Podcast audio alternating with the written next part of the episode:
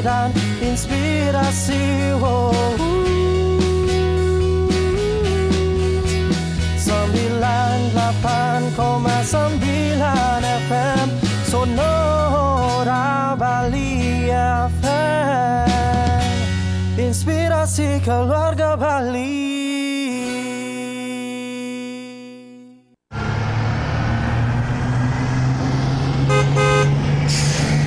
Kopaja, kita obrolin problematika remaja.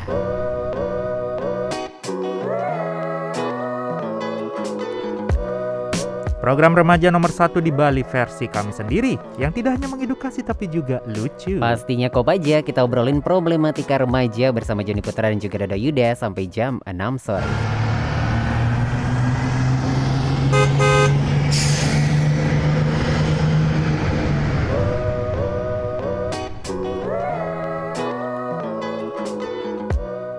Apa aja kita obrolin problematika remaja.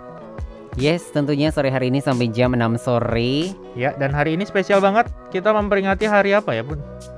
Hari, Hari TNI, enggak Bukan tahu ya. sih. Ini hari... Hari- Selasa. polisi bukan juga ya. Ini ngarang banget ya timnya ini ya.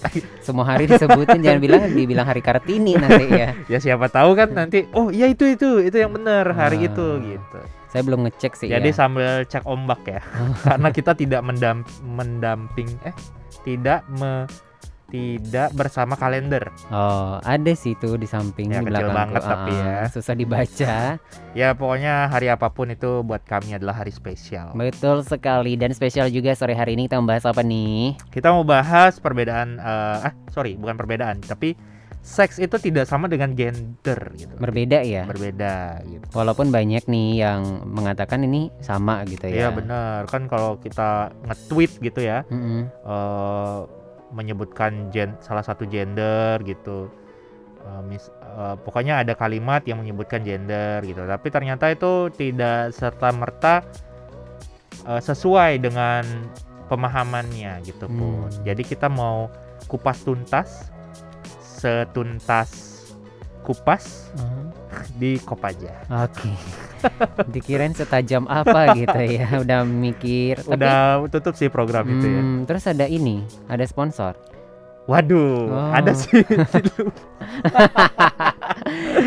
Aduh. ya, nanti nanti ya kita nanti kita panggil pesan sponsor ya. Betul banget. Iya.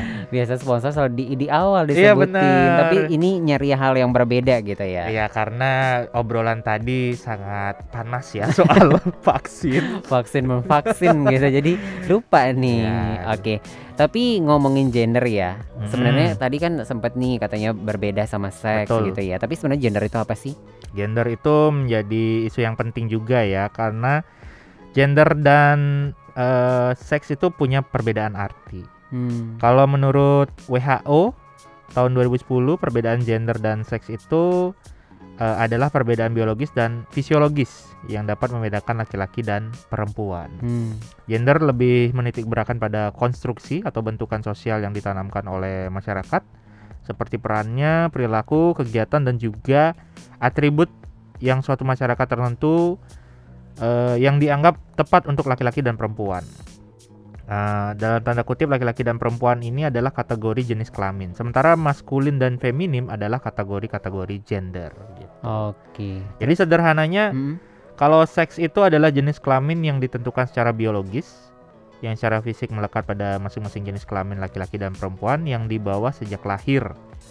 Kalau misalnya gender, itu adalah jenis kelamin sosial atau perbedaan antara laki-laki dan perempuan dalam peran fungsi hak tanggung jawab dan juga perilaku yang dibentuk oleh lingkungan sos- sosialnya. Gender dapat berubah juga menurut waktu serta kondisi setempat gitu. Oke, jadi kalau seks itu menitik beratkan pada ya jenis kelamin ya. Ya, secara biologis pun. Hmm. Secara biologis yang kita bawa sejak lahir. Hmm. Nah, ini memang kadang ada perdebatan juga kan. Nah, kalau seks itu kan eh, atau yang secara biologis kan bisa berubah juga. Hmm. Memang bisa, tapi bukan karena eh, bukan karena atribut atau peran yang disematkan oleh masyarakat Hmm. Gitu. Beda dengan gender. Kalau gender kan peran atau eh, sesuatu hal yang yang diberikan oleh masyarakat gitu. Makanya walaupun misalnya secara biologis dia berubah jenis kelamin, yaitu yaitu tetap menjadi seks jadi jenis kelamin secara biologisnya Hmm. gitu, bukan se- bukan secara sosialnya. gitu. Oke, tadi juga sempat dikatakan bahwa eh, gender ini bisa berubah menurut waktu dan juga kondisi. Betul, waktu dan tempat dipersilahkan lah. Waduh, gitu. kira mau ngasih ini pembukaan. Nanti kita akan bahas lebih spesifik lagi ya perbedaan antara jenis kelamin dan juga gender ataupun seks dan gender ini ya. Mm-mm. Mungkin ini masih masih abu-abu Ah, gitu ya, ah. masih uh, samar-samar gimana sih Hmm. maksudnya jenis kelamin biologis dan sosial. Oke, nanti kita bahas lagi ya Sobat Sonora. Kita juga live di Instagram @sonorabali_fm.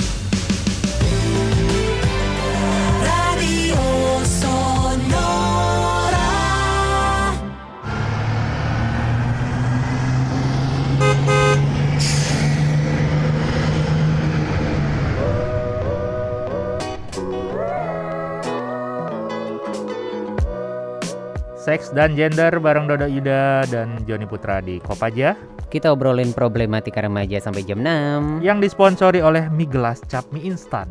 Mie gelas cap mie instan, makannya mie gelas lauknya mie instan.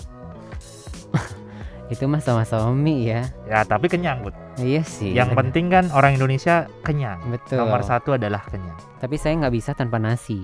Oh gitu ya. Iya. Oh, kalau saya bisa sih ya. Saya nggak bisa sama sekali. Apalagi mie gelas, lauknya mie instan Hmm, gitu. Kalau orang-orang kan nanya, wah makan apa itu? Makan nasi, Makan lauknya nasi. apa? Mie. Ikan, Oh. atau, atau ikan goreng. Heeh. ini makanya apa? Mie gelas. Lauknya apa? Mie Oh, instan. luar biasa. Aduh. Aduh, itu usus jadi mie semuanya. Bayangin tuh tiga kali sehari ya, double mie. ya. Coba hitung kalorinya ya para Yes. pa- para orang-orang yang sedang diet hari ini ya. Langsung kita bahas lagi nih konsep ya perbedaan dari eh, seks dan juga gender secara spesifik lagi nih. gitu. Betul. Tadi kan masih samar dan abu-abu ya. Kayak Kalau- lagu ya, putih abu-abu. Mm-mm. Terus eh, bedanya seks dan gender gitu. Saya nggak tahu put lagunya. Oh, waduh, beda umur ya, Pak skip ya. aja skip. Yuk lanjut. Jadi seks itu, nah perbedaan pertama ya. Hmm. Kalau seks itu peran reproduksi kesehatan berlaku sepanjang masa. Kalau gender itu peran sosial bergantung pada waktu dan keadaan. Nah, Bisa jadi- berubah ya. Betul. Jadi kalau seks itu kan peran reproduksi ya. Jadi kalau laki-laki yang eh, reproduksi itu kan eh, alat reproduksinya adalah eh, penis dan segala macam organnya lah gitu Hmm. ya. Kalau perempuan itu vagina dan lain-lain. Kalau gender itu peran sosial bergantung pada waktu dan keadaan. Jadi kalau misalnya dia eh, waktunya dia bekerja eh, mungkin dia di di, di kantornya ber- be- apa namanya posisinya sebagai direktur. Jadi Hmm. dipanggilnya ibu direktur, Hmm. bapak direktur. Jadi tidak mengenal jenis kelamin secara biologis Hmm. gitu. Jadi tetap punya peran dia sebagai direktur. Akan berubah-berubah gitu ya. Betul. Terus Kemudian yang kedua, eh, seks itu peran reproduksi kesehatan ditentukan oleh Tuhan atau kodrat. Kalau gender itu peran sosial bukan kodrat Tuhan tapi buatan manusia. Misalnya Misalnya kalau rep- reproduksi kesehatan itu kan ditentukan oleh Tuhan ya. Nah, itu udah di, pasti ya. di awal udah di udah aku sebutkan kalau ketika lahir kita di kita berjenis kelamin laki-laki, punya penis, punya skrotum dan lain-lain. Kalau perempuan punya vagina, punya rahim Hmm. gitu. Dan tidak mungkin berubah gitu ya. Mungkin Kecuali ke- dua tahun eh, kemudian ah aku pengen laki-laki ah aku pengen perempuan lagi ah gitu. nggak gitu sih konsepnya. Emangnya kita eh, ah aku hari ini mau makan mie instan, besok mau makan nasi gitu kan nggak bisa Oke. Put. Nah jadi eh, ini ditentukan oleh Tuhan atau kodrat gitu ya, secara kodrati. Walaupun memang kadang ada eh, apa namanya ada kondisi seperti eh, A- A- Aprilia Manganang. Oh. Nah itu kan dia awalnya dia dari lahir sebagai perempuan put Hmm.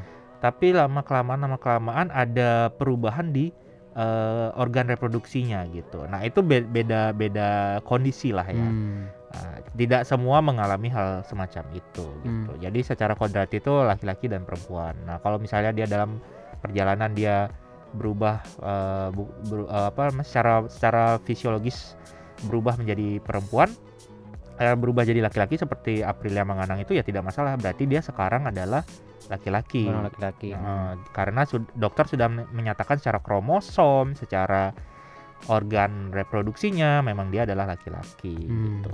Kemudian kalau eh, gender yang tadi itu kan eh, dibuatan eh, dibuat oleh manusia gitu. Nah, misalnya perempuan itu em, perempuan itu cengeng kayak gitu. Perempuan itu eh, lemah lembut kayak gitu. Nah, itu kan buatan manusia kan. Karena tidak semua perempuan itu cengeng, tidak semua perempuan itu lemah lembut. Hmm.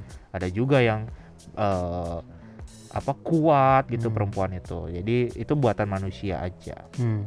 Yang selanjutnya adalah eh, seks itu menyangkut perbedaan organ biologis laki-laki dan perempuan, khususnya pada bagian alat-alat reproduksi. Nah, sebagai konsekuensi dari fungsi alat-alat reproduksi, maka perempuan mempunyai fungsi reproduksi seperti menstruasi, hamil, melahirkan, dan menyusui, sedangkan laki-laki mempunyai fungsi membuahi. Hmm. Nah, kalau gender itu menyangkut perbedaan peran fungsi dan tanggung jawab laki-laki perempuan sebagai hasil kesepakatan atau hasil bentukan dari masyarakat. Sebagai konsekuensi dari hasil kesepakatan masyarakat, maka pembagian laki-laki adalah mencari nafkah dan bekerja di sektor publik, Hmm. sedangkan perempuan eh, sedangkan peran perempuan di sektor domestik dan bertanggung jawab masalah rumah tangga. Nah, itu tadi ya. Hmm. Kalau yang seks itu secara fungsi alat reproduksi gitu. Kan perempuan menstruasi, hamil, melahirkan. Nah, itu tidak bisa dipertukarkan tuh kepada laki-laki. Hmm. Laki-laki kan mimpi basah gitu ya, Hmm. membuahi lah membuahi. Kita kita ambil contoh yang paling paling konkret gitu. Karena kalau mimpi basah sekarang udah mulai ada penelitian katanya em, perempuan juga bisa mimpi basah gitu. Oh. Nanti nanti kita akan uh, breakdown itu ya karena Hmm. sekarang tidak ada datanya yang valid juga. Hmm. Yang pasti yang sangat sangat sangat konkret dari laki-laki adalah membuahi. Nah, itu perempuan dibuahi uh, secara biologisnya gitu. Kalau gender itu kan yang tadi kita bilang kalau masyarakat itu mem- men- melabelkan peran laki-laki itu mencari nafkah, kalau perempuan itu di rumah mengurus rumah tangga gitu. Hmm. Kemudian kalau seks itu peran reproduksi tidak dapat berubah sekali menjadi perempuan dan mempunyai rahim, maka selamanya akan menjadi perempuan. Sebaliknya menja- eh, sebaliknya laki-laki mempunyai penis maka selamanya menjadi laki-laki gitu. Hmm. Kemudian peran sos eh, kalau gender itu peran sosial dapat berubah. Peran istri sebagai ibu rumah tangga dapat berubah menjadi pekerja atau pencari nafkah, di samping masih menjadi istri juga gitu. Hmm. Kalau seks lagi yang terakhir, peran reproduksinya tidak dapat dipertukarkan. Tidak mungkin peran laki-laki melahirkan dan perempuan menghasilkan sel sperma untuk membuahi. Itu secara seks. Kalau secara gender, peran sosial dapat dipertukarkan. Untuk saat-saat tertentu bisa saja suami dalam keadaan menganggur tidak mempunyai pekerjaan sehingga tinggal di rumah mengurus rumah tangga. Hmm. Sementara istri bertukar peran untuk bekerja mencari nafkah, bahkan sampai keluar negeri menjadi tenaga kerja wanita. Hmm. Jadi itu tergantung kondisi seperti itulah intinya ya. Ya, jadi secara gender itu bisa berubah. Nah, Misalnya sekarang putra putra suami istri nih, Hmm. gitu ya. Putra eh, nganggur gitu misalnya. Nah, istrinya bekerja, putra eh, bersih-bersih di rumah, mengurus Nyapu anak gitu, gitu ya. Itu ya. itu adalah peran gender itu. Hmm, dan itu bisa berubah lagi saat mungkin nanti suatu saat aku kerja lagi Iya betul. gitu ya. Hmm, kerja lagi, kemudian wah, Istrinya enggak gitu istrinya, misalnya. istri lebih memilih untuk mengurus rumah tangga itu bisa. Hmm. Tapi kalau misalnya eh, putra bilang ke istri, eh, istriku sayangku, Asik. Aku mau melahirkan. Waduh. itu itu tidak bisa ya. Tidak bisa, luar biasa sekali itu itu terjadi ya.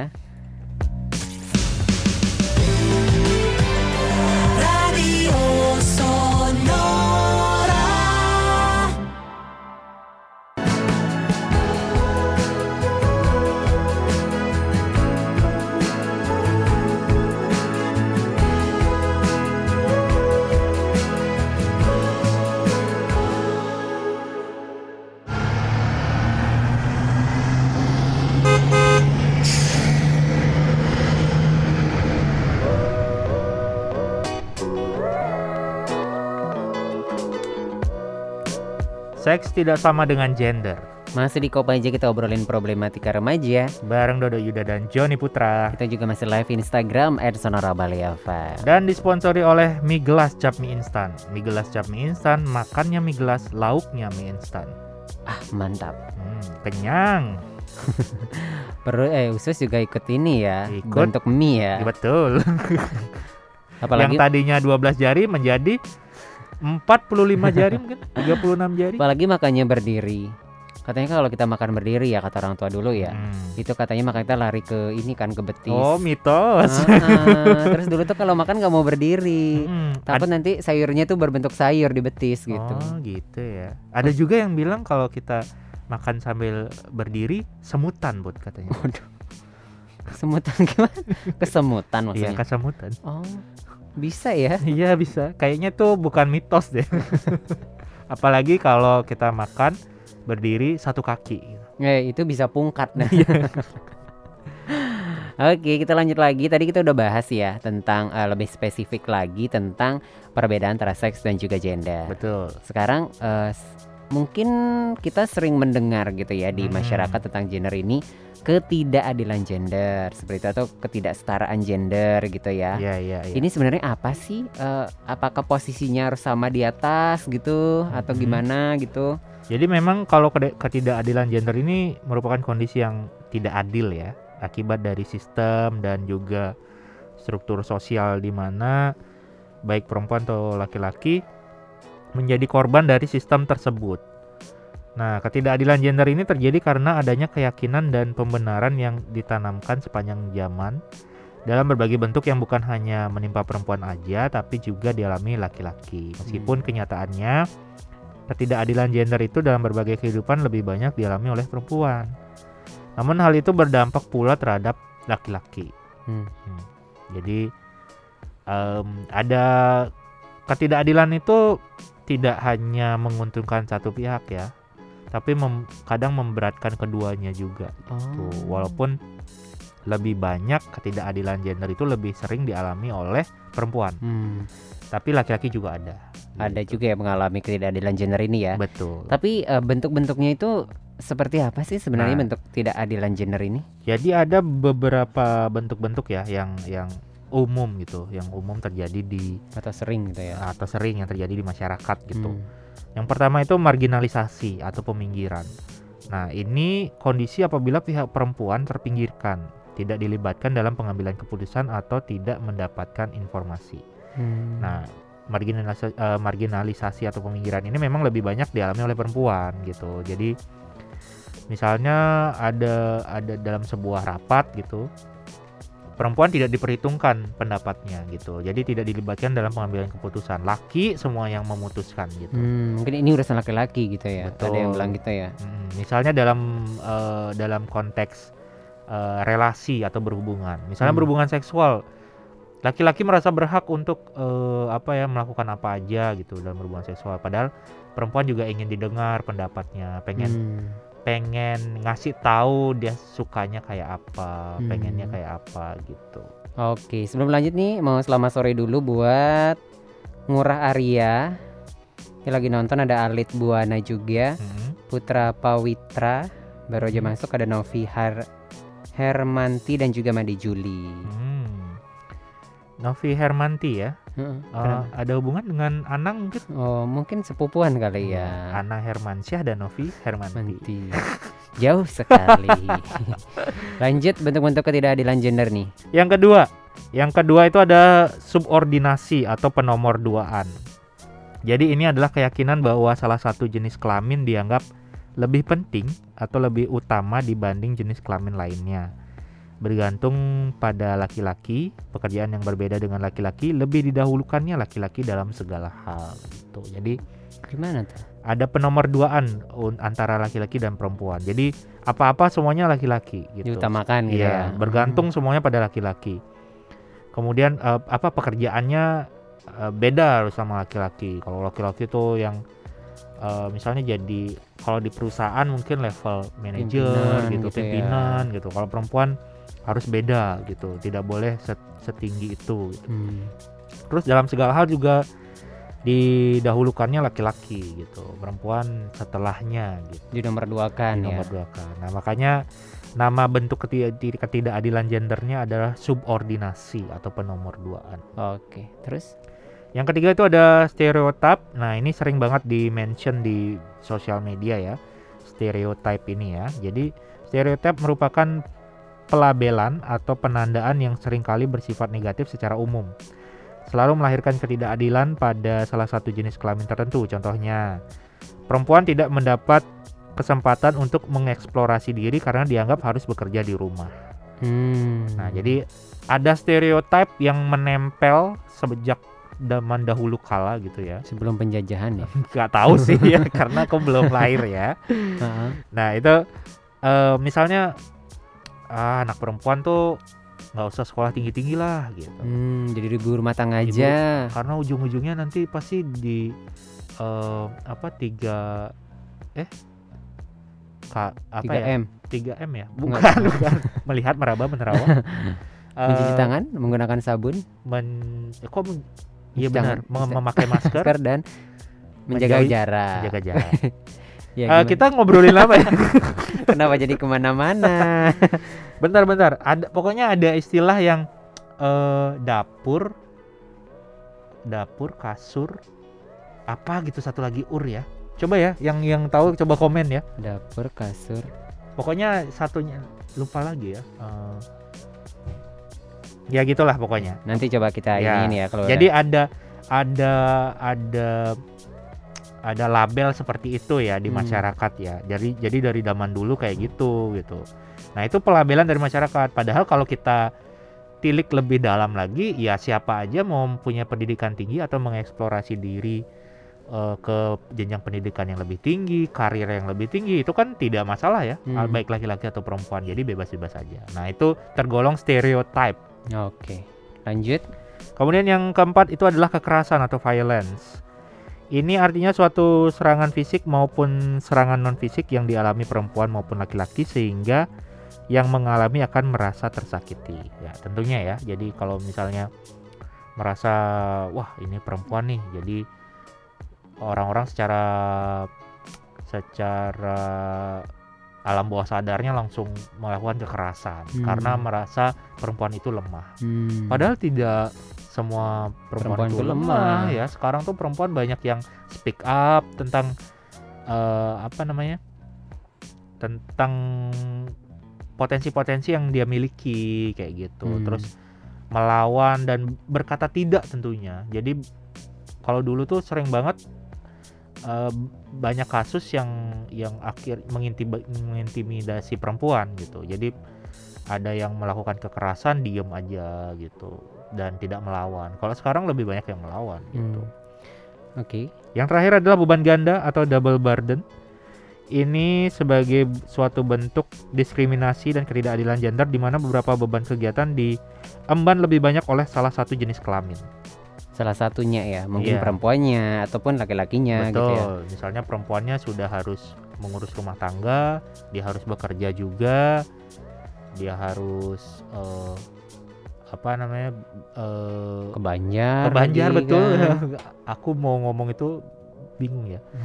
Ke Banjar misalnya dia gitu. Jadi ada beban ganda yang di, di didapatkan oleh salah satu jenis kelamin. Padahal Hmm. kalau kita bisa bisa sederhana ah, bisa apa namanya setarakan misalnya perempuannya harus bekerja dan harus ke Banjar gitu. Nah, laki-lakinya kan bisa bekerja dan juga ah, mengurus Ngurus rumah anak, tangga, mengurus gitu ya. anak gitu. Ya macam-macam lah. Jadi dibagi-bagi dengan adil gitu ya. Ah, betul. Tapi eh, tentunya kita ingin tahu juga cara mengatasi ketidakadilan gender ini. Nanti kita bahas di sesi selanjutnya ya.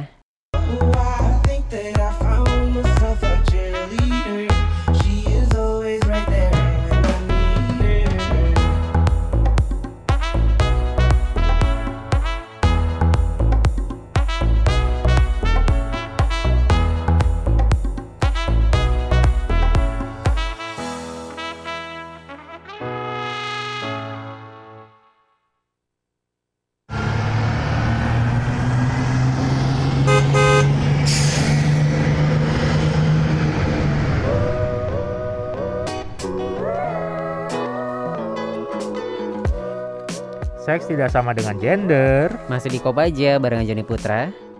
dan juga Dodo Yuda Kirain lupa nama ya. Dan sama siapa lagi? dan dan Sama Migela. oh iya benar Bud, aku jadi mikir, Bud, apa ya maksudnya ya?